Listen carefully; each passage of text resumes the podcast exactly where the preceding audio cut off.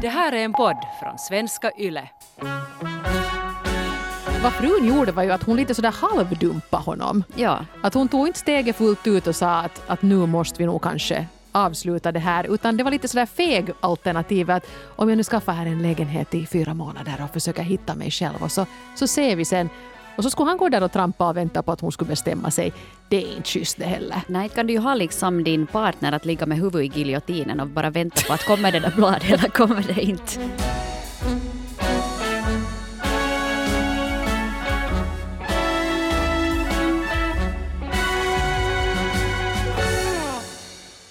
Hej relationspodden, det här är min berättelse. Jag hittade en ny medan jag ännu var gift. Gud förbjude. Nybyggt hus och små barn med i bilden. Syndarnas syndare, det var jag det. Egoistisk och oempatisk och det ena och det andra. Min exfrus närmaste vänner svartmålade mig och jag fick hotfulla sms av min dåvarande svärfar mitt i natten. Min far som jag aldrig pratat djupa samtal med började plötsligt i halv panik agera psykolog och försökte få mig att komma till mina sinnens fulla bruk.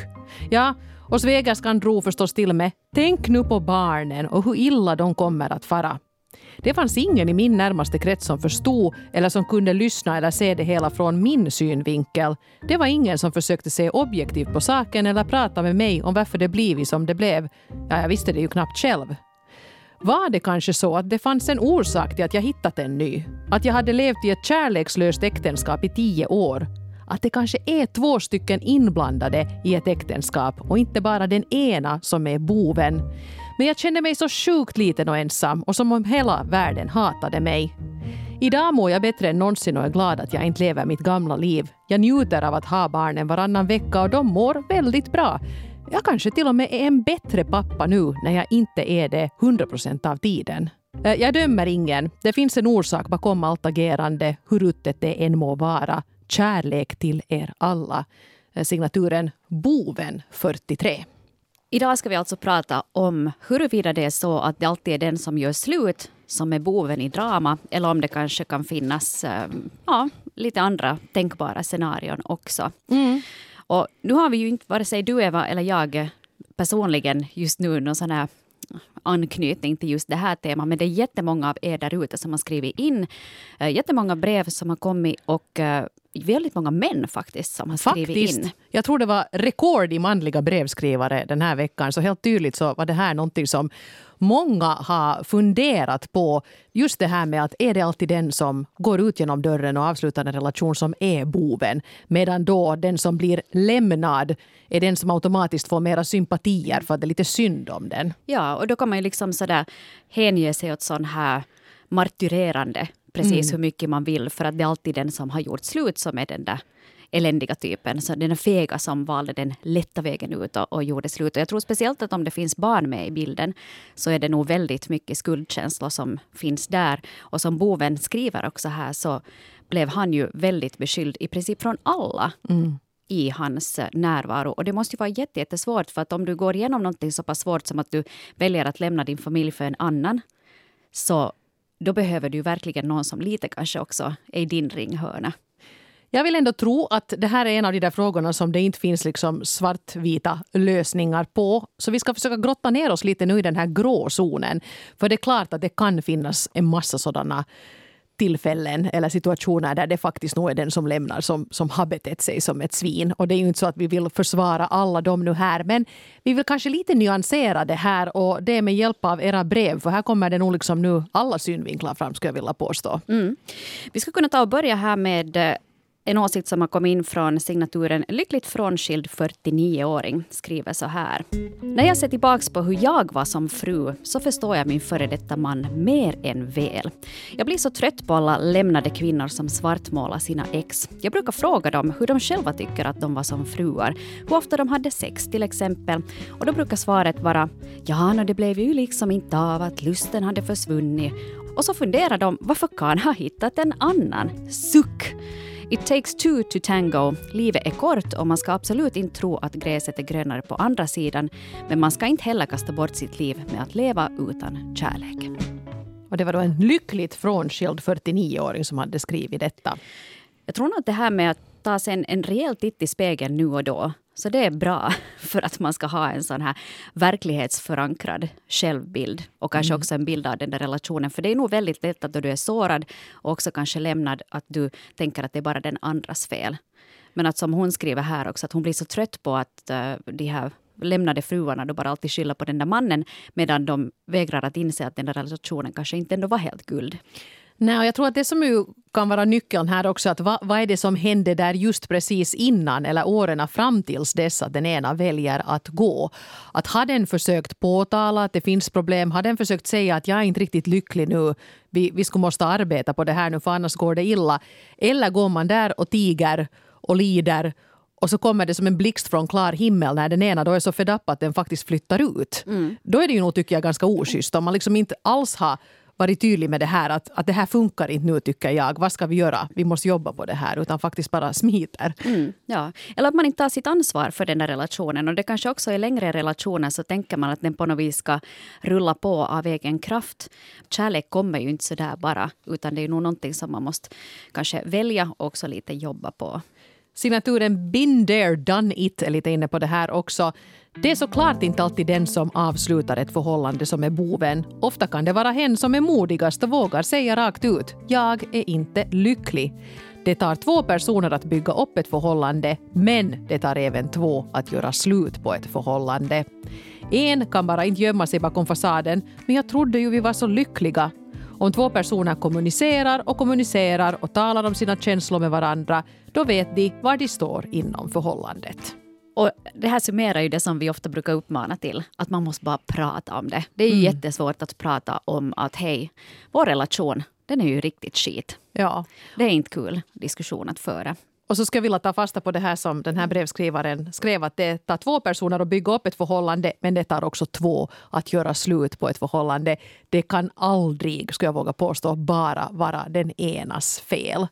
Och jag tänker där också att eh, om vi ser ett sådant scenario där man faktiskt tycker att det är den enas fel, mm. till exempel då otrohet eller som den här boven 43 som vi inledde med, att han hittar en annan, då är det ju väldigt lätt att, att skylla på den där andra eller att, att eh, han gick utanför äktenskapet. Men där, även där då, att vad var det som ledde fram till det? För att om en relation ska vara lycklig och kärleksfull så har du ju ingen orsak att leta efter någon annan. Mm. Och kanske vi ändå måste vara specifika här att nu, nu pratar vi ju om människor som är friska och inte våldsamma. Ja, till exempel om någon har narcissistiska drag och därför söker sig till otrohet så är det ju kanske ett undantag då. Och då kan mm. det ju hända faktiskt att den där partnern inte har gjort ett enda fel men att det ändå går åt skogen. Vi pratar inte om sådana situationer. Och så pratar vi ju förstås inte om förhållanden var det förekommer misshandel av något slag för då är det ju helt klart att man ska gå om man behandlas illa i sin egen relation. Och då är man absolut ingen bov för den sakens skull. Bara som en liten brasklapp här nu innan vi, vi rafsar vidare här nu i era erfarenheter. Mm. Eh, som sagt, mycket män som hörde av sig. Eh, bland annat Nalle, 50 plus. Tack för att ni tar upp detta. Jag är nu 50 plus och har länge levt i en relation där jag inte trivs. Jag har nästan alltid varit olycklig på något sätt och aldrig upplevt att jag har varit riktigt nära min fru. Hon är ingen soulmate precis. Vi är väldigt olika som personer, men det förstod vi inte när vi var unga och blev ihop. Det som har hållit mig kvar är dels barnen som snart är vuxna och dels rädslan för att bli utmålad som en skurk vid en skilsmässa. Både jag och min fru kommer från familjer där livslånga äktenskap värderas mycket högt och det skulle vara någonting av en social katastrof om jag skulle lämna henne.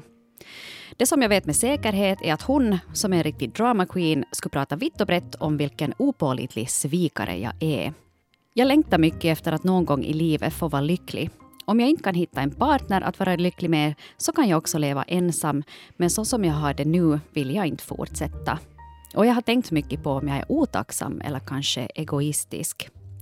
Hela mitt vuxna liv har jag jobbat och slitit för att andra ska ha det bra, men jag har inte tänkt så mycket på mig själv. Jag har mest tröstätit och mått skit. Och nu är det som att livet har hunnit ikapp mig och jag borde gå vidare i en annan riktning. Så skriver alltså Nalle, 50 plus. Och det här är, jag tycker det här är ganska hjärtkärande det som Nalle beskriver här. För inte det är ju meningen att man ska leva i en relation som får en att må dåligt. Eh, jag vet inte heller, jag menar bara det tonfall som jag snappar upp här när du Nalle skriver om din fru så skulle jag säga att kärleken har ju nog försvunnit för ett bra tag sedan. Att du liksom ser att hon kommer att vara en drama queen och, och baktala dig om du skulle välja att gå jag får känslan av att det inte finns hemskt mycket kvar att, att bygga på i, i det här förhållandet. Mm. Det är svårt att dra slutsatser nu på, några, på basis av några rader som du har skrivit hit till oss, men, men det är den känsla jag får. Mm. Och Det som jag fastnade lite för här också så var just det här med att han skriver att det skulle vara en social katastrof om han skulle lämna henne. Att tydligen att om du kanske din umgängeskrets eller kanske din släkt är sådana där livslånga äktenskap värderas mycket högt så, så kanske du är rädd för att bli ensam eller att alla de här kommer att vända dig i ryggen. Det på något vis förvånar mig väldigt mycket att folk klamrar sig fast vid de här kulisserna med allt vad de har. Att vad är det i de här kulisserna som vi tycker att det är så fint att vi är villiga liksom att välja att vara olyckliga själva bara för att inte andra, andra ska tycka att vi liksom eh, är skit på något vis. Eller att vi är fega för att vi lämnar det förhållande. Och det här för oss också kanske lite in på en sak som vi har pratat om i tidigare avsnitt. Det här med att är livslång kärlek det vi ännu ska sträva efter. Jag kan kanske tänka här att Nalle och hans fru hade det jättebra i början och det var kul att de var så olika. Det blev en spänning med det där och, och det blev barn som nu har hunnit bli vuxna. Men nu är liksom deras tid över och det kanske skulle vara dags att gå vidare, kanske rent av leva ensamma då. Att det är inte så att man absolut måste hitta en ny. Eh, att det är ju som sagt väldigt mycket begärt att man ska liksom hitta i ungdomen en partner som ger en allt livet ut. Jag vet att många tycker att vi ska sträva efter det här fortsättningsvis. Men jag tycker också att man måste vara lite realistisk i det här och åtminstone inte klå upp sig själv om det inte blir så. För mm. det är för väldigt många som det inte blir så. Men Nalle, om, om jag nu ska ge något råd till dig nu här så kanske jag tycker, jag tycker du, du är en vuxen karl nu. Du är över 50 och det är dags att sluta kompromissa för att alla andra ska ha det bra. Och nu måste du fundera på hur du har det bra och ta upp det här med frun och kanske söker till familjeterapi eller gå vidare med det här för det är åtminstone inte meningen att du ska gå och må på det här sättet. Nej.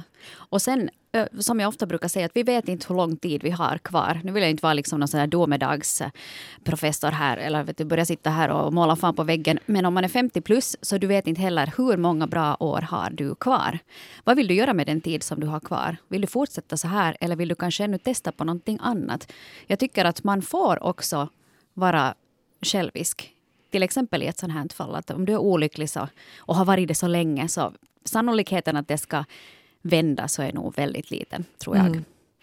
Men jag hoppas av hela mitt hjärta att det ska ordna sig för er på något sätt. För att inte tror jag ni någondera tycker att det här är tippetoppen och att det inte skulle kunna bli bättre. Mm.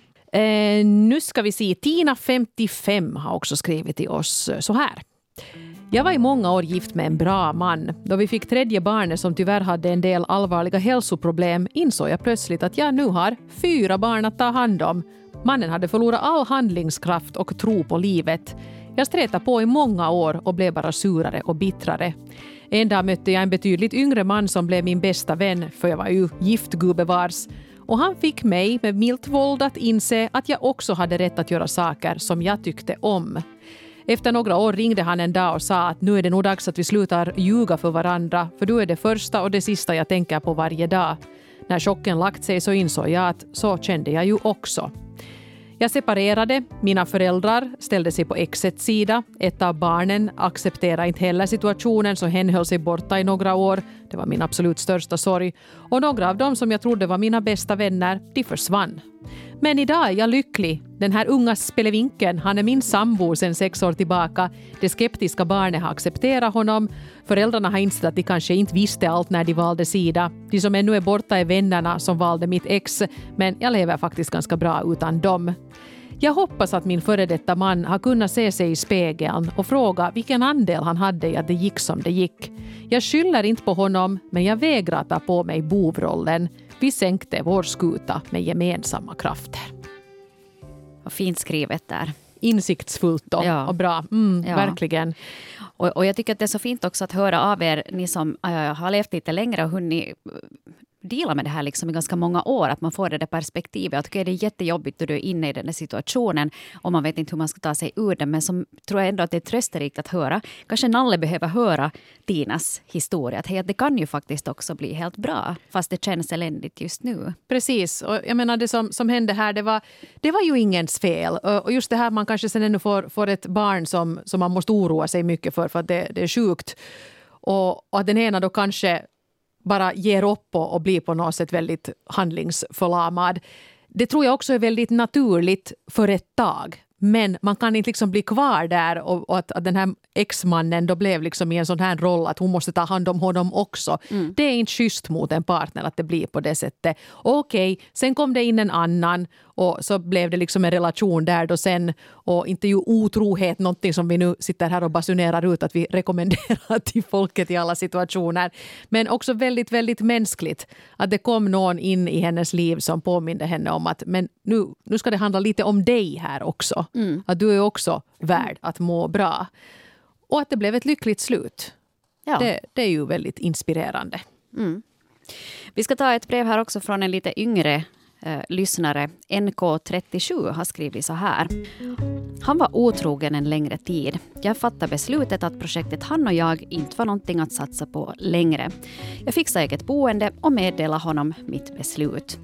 Han blev martyr och tyckte att vi skulle jobba på vårt förhållande. Kanske det skulle gå att hitta tillbaka till varandra igen. Jag ville säga att det är ju du som har sprungit bort med det jag har stått på samma ställe hela tiden. Du har vetat var jag har funnits. Sen packade jag barnen i bilen och försvann. Mitt bästa beslut någonsin. Så mm. skriver NK37. Mm.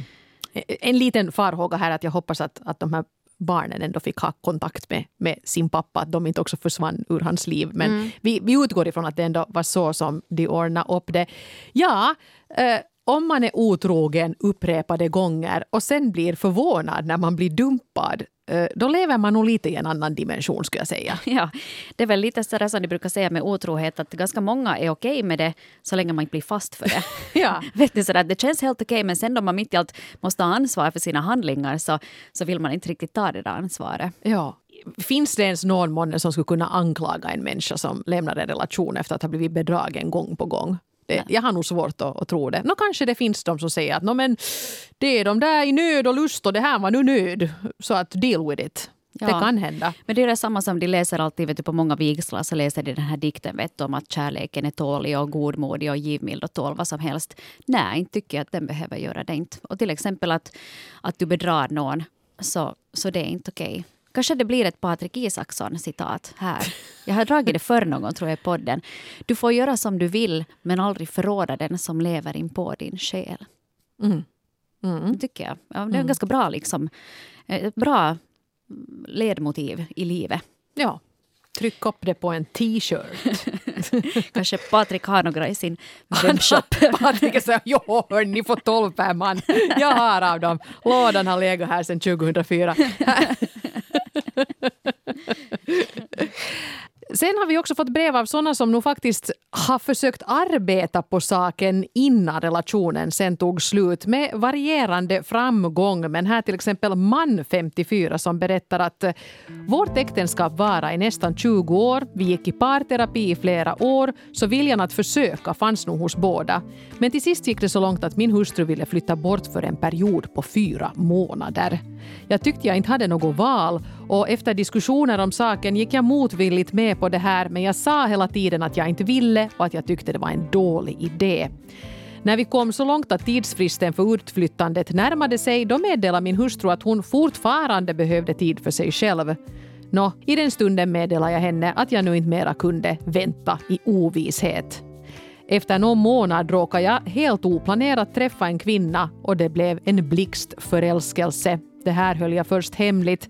Men ungefär i samma veva som förhållandet blev känt meddelade jag min hustru att jag inte kan vänta på henne mera och att jag vill skiljas.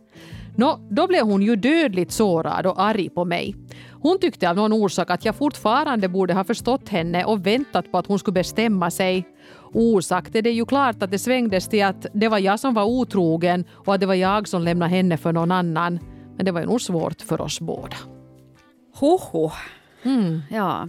Så frun ville alltså då separera för fyra månader och sen då de här fyra månaderna hade gått så ville hon ännu fortsätta med att vara separerade. Och vad, ville... vad, vad frun gjorde var ju att hon lite sådär halvdumpade honom. Ja. Att hon tog inte steget fullt ut och sa att, att nu måste vi nog kanske avsluta det här. Utan det var lite sådär feg alternativ att om jag nu skaffar här en lägenhet i fyra månader och försöker hitta mig själv och så, så ser vi sen Och så skulle han gå där och trampa och vänta på att hon skulle bestämma sig. Det är inte schysst det heller. Nej, kan du ju ha liksom din partner att ligga med huvudet i giljotinen och bara vänta på att kommer det där bladet eller kommer det inte. Så, att, så att det där, det där, visserligen, ibland kan ju nog en sån här separation funka också. Att om man fast då väljer att bo på skilda håll, ska vi säga fyra månader, så kanske man märker att, att jag vill verkligen inte leva utan den här personen. Mm. Eller sen kanske du märker att gud vad mycket lättare det är att andas här hemma då hen inte är här. Ja. Och, och där kanske han märkte det just också, det att, att, att, frun hade redan lite sådär halvschappa och sen så hittade han då, träffade någon ny. Så kanske han märkte att hey, det här är ju faktiskt mycket roligare. Ja, nej, ja, vi försöker ju faktiskt i den här podden att vi inte ska vara dömande men, men lite dömande är jag här nu när jag säger att jag är mycket skeptisk till det här med att ta sådana här pauser på det här sättet. Om man har gått så långt att man faktiskt vill liksom bo på annan adress än en partner som man kanske sen skulle vilja bo med igen.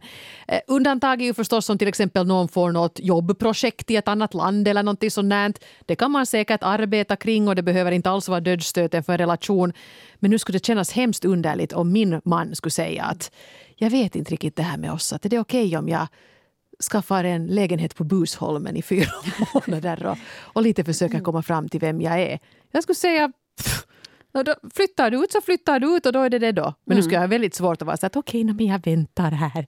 Ja. ja, ja. Konstigt och, och det är upplägg. lite svår, svårt att säga det där, så hur mycket kan du egentligen kräva av din partner då? Att är det mm. rimligt att förvänta sig, fast efter ett 20 år långt äktenskap, att kan vi ge det fyra månader till?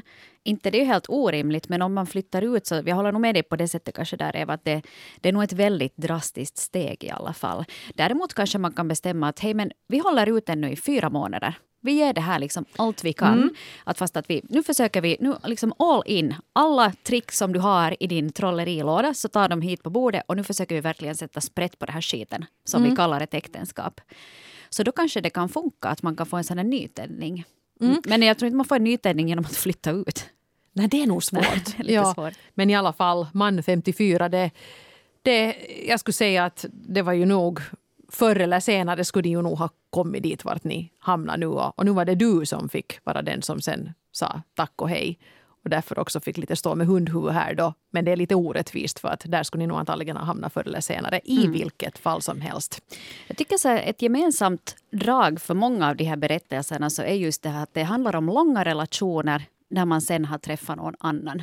Mm. Och vi har pratat om otrohet förr också, men det verkar nog vara så att det liksom är det som verkligen sätter fart på eh, hela den här separationen, om det ska bli en sån, eller åtminstone driver saken till sin spets. För att det är ganska ohållbart. Du kan ju inte hålla på så heller, liksom, men att det kanske är så att en ny människa får dig att vakna upp på något sätt.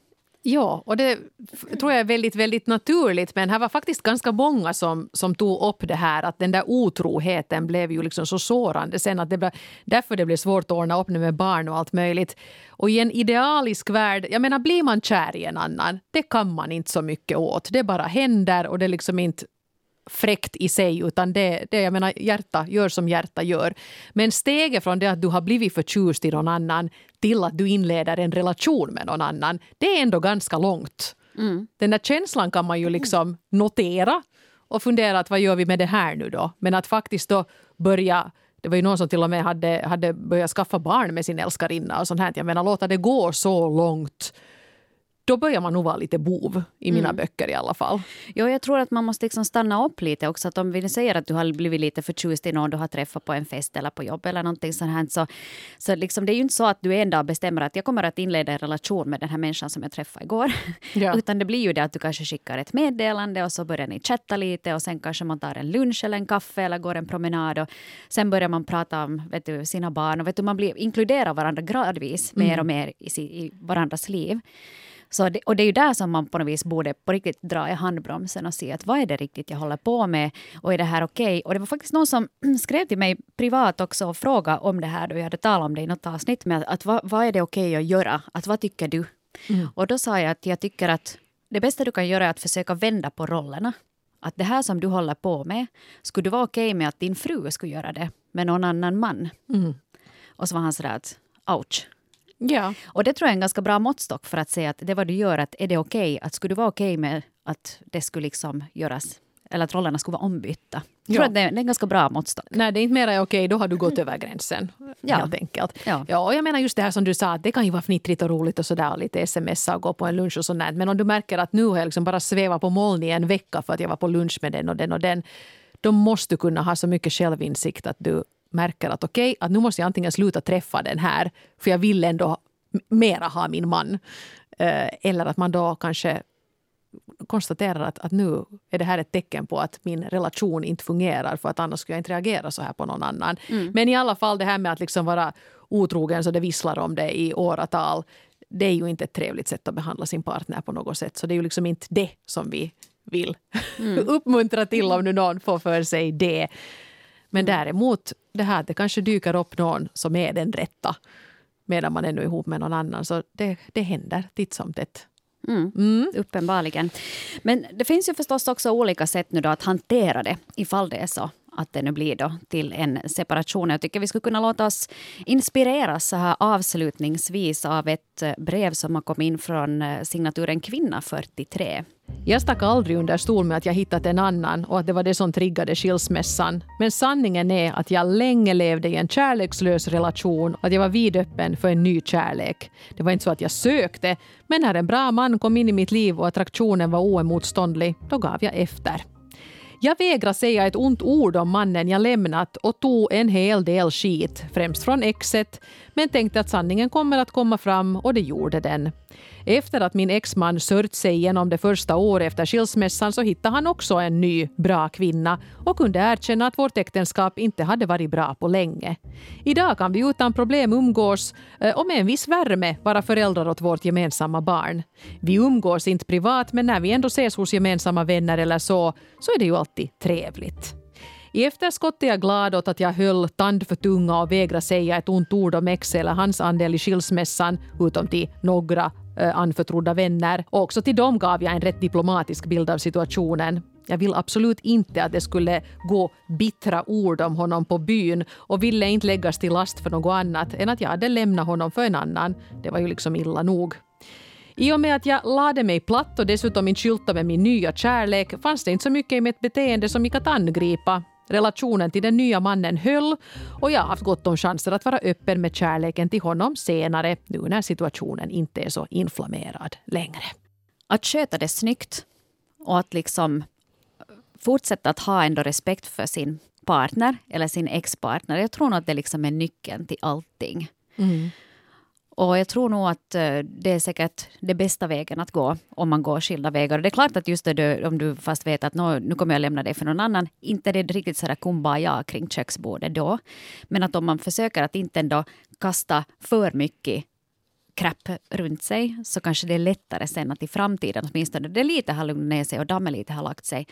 Att det då är lättare sen att kunna ja, kanske ha någon typ av sån här vänskaplig relation. Ja, det här tror jag nog är en, ett väldigt, en väldigt bra strategi som den här kvinnan har använt. Just det där med att gå inte omkring och spy galla över ditt ex, vare sig du dumpar eller har blivit dumpad. Kanske just det där att man väljer några kompisar och så öser man skiten över dem. Så där införstått med att det här är nu, att ni är nu min ventil för jag måste få ur mig det här. Istället för att gå omkring och liksom vara osaklig med allt och alla. Att det tror jag nog är en ganska bra strategi faktiskt. Ja, så tror jag också att eh, även fast du kanske tycker att den här mannen eller exfrun är riktigt skithög så kom ändå ihåg att, att det, det är ändå mamman eller pappan till dina barn. Exakt, Bara det ja. här liksom tycker jag att, att gör att man förtjänar att behandlas med respekt och man behöver också kunna kommunicera i framtiden. Att, jag tror nog att eh, kvinna 43 har gjort helt rätt där att försöka lite lägga band på sig själv. Att, att vet du, spy den där gallan över de där några kompisarna så du får det ur dig men sen kanske att sköta det snyggt sådär i övrigt.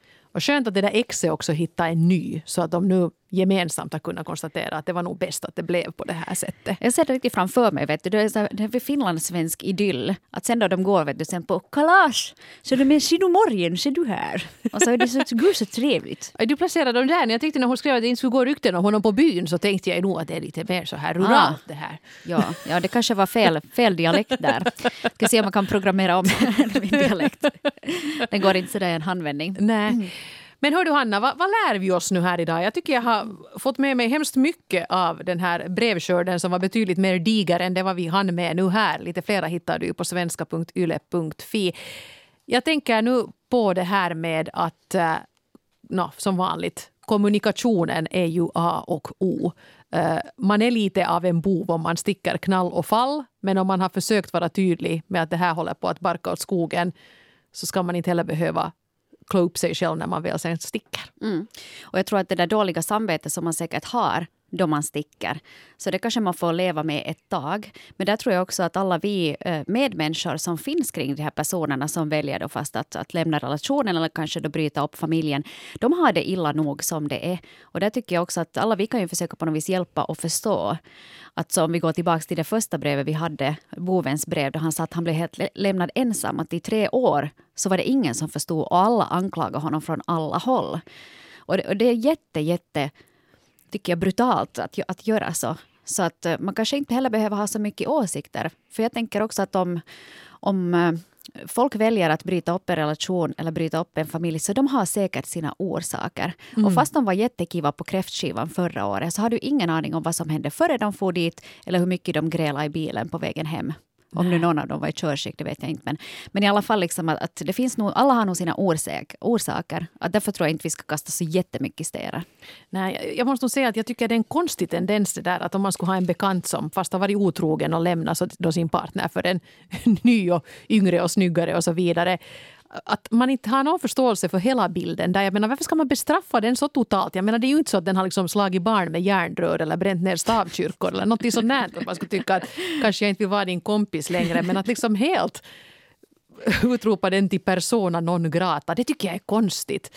Eh, jag är jättesur på mina bästa kompisars ex-män för det är på något sätt lite det jag ska vara för att jag är ju deras kompisar. Mm. Men skulle jag ha varit kompis med den där mannen också så tycker jag det skulle vara underligt att bara lämna honom helt i kylan och vara så att jag blockar dig överallt på alla sociala medier. Mm, ja. Du är ett svin.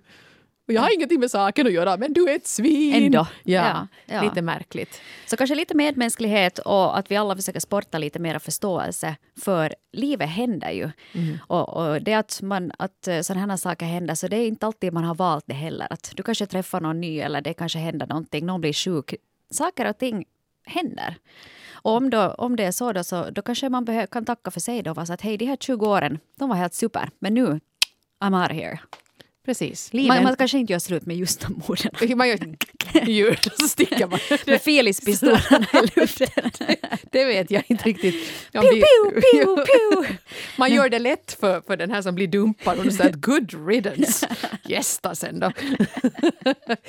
Nej men verkligen. Eh, vi ska inflika en grej här ännu. Eh, vi tycker det är jättekul med Hanna när ni skriver så här som, som brevskrivaren här som vi tog upp först hade gjort den här veckan. Skriver en story och föreslår ett ämne. Det är jättekul att göra de avsnitten. Så vi tar tacksamt emot flera sådana här storyn på relationspodden yle.fi. Det var också en som skrev till oss via ett sånt här formulär att det här har inte att göra nu med frågan ni ställde men jag vill vara helt anonym så jag vågar inte mejla er. Mm. Och det går också hur bra som helst. Alltså de här formulären ligger ju ute också efter att vi har avhandlat ämnet här i podden så i dem kan man alltid skriva in sina tips. Mm. Och man är är alltså helt anonym. Inte ens vi ser ju Nej. vem ni är eller någon mejladress eller någonting. Att om inte ni väljer att sätta dit några kontaktuppgifter så vet vi faktiskt inte vem ni är. Så ni är totalt anonyma. Mm. Så att det är alltid roligt liksom om vi får en idé av er. Att om du har ett dilemma så, så skriv gärna till oss. Och vi läser ju allting, även fast har kommit in senare också. Så. Det här ämnet väckte mycket känslor och vi kan ju fortsätta att ventilera dem till exempel i Facebookgruppen Relationspodden Norrena ett Frans. Och sen är vi tillbaka igen i podden om en vecka. Hej då! Hej då!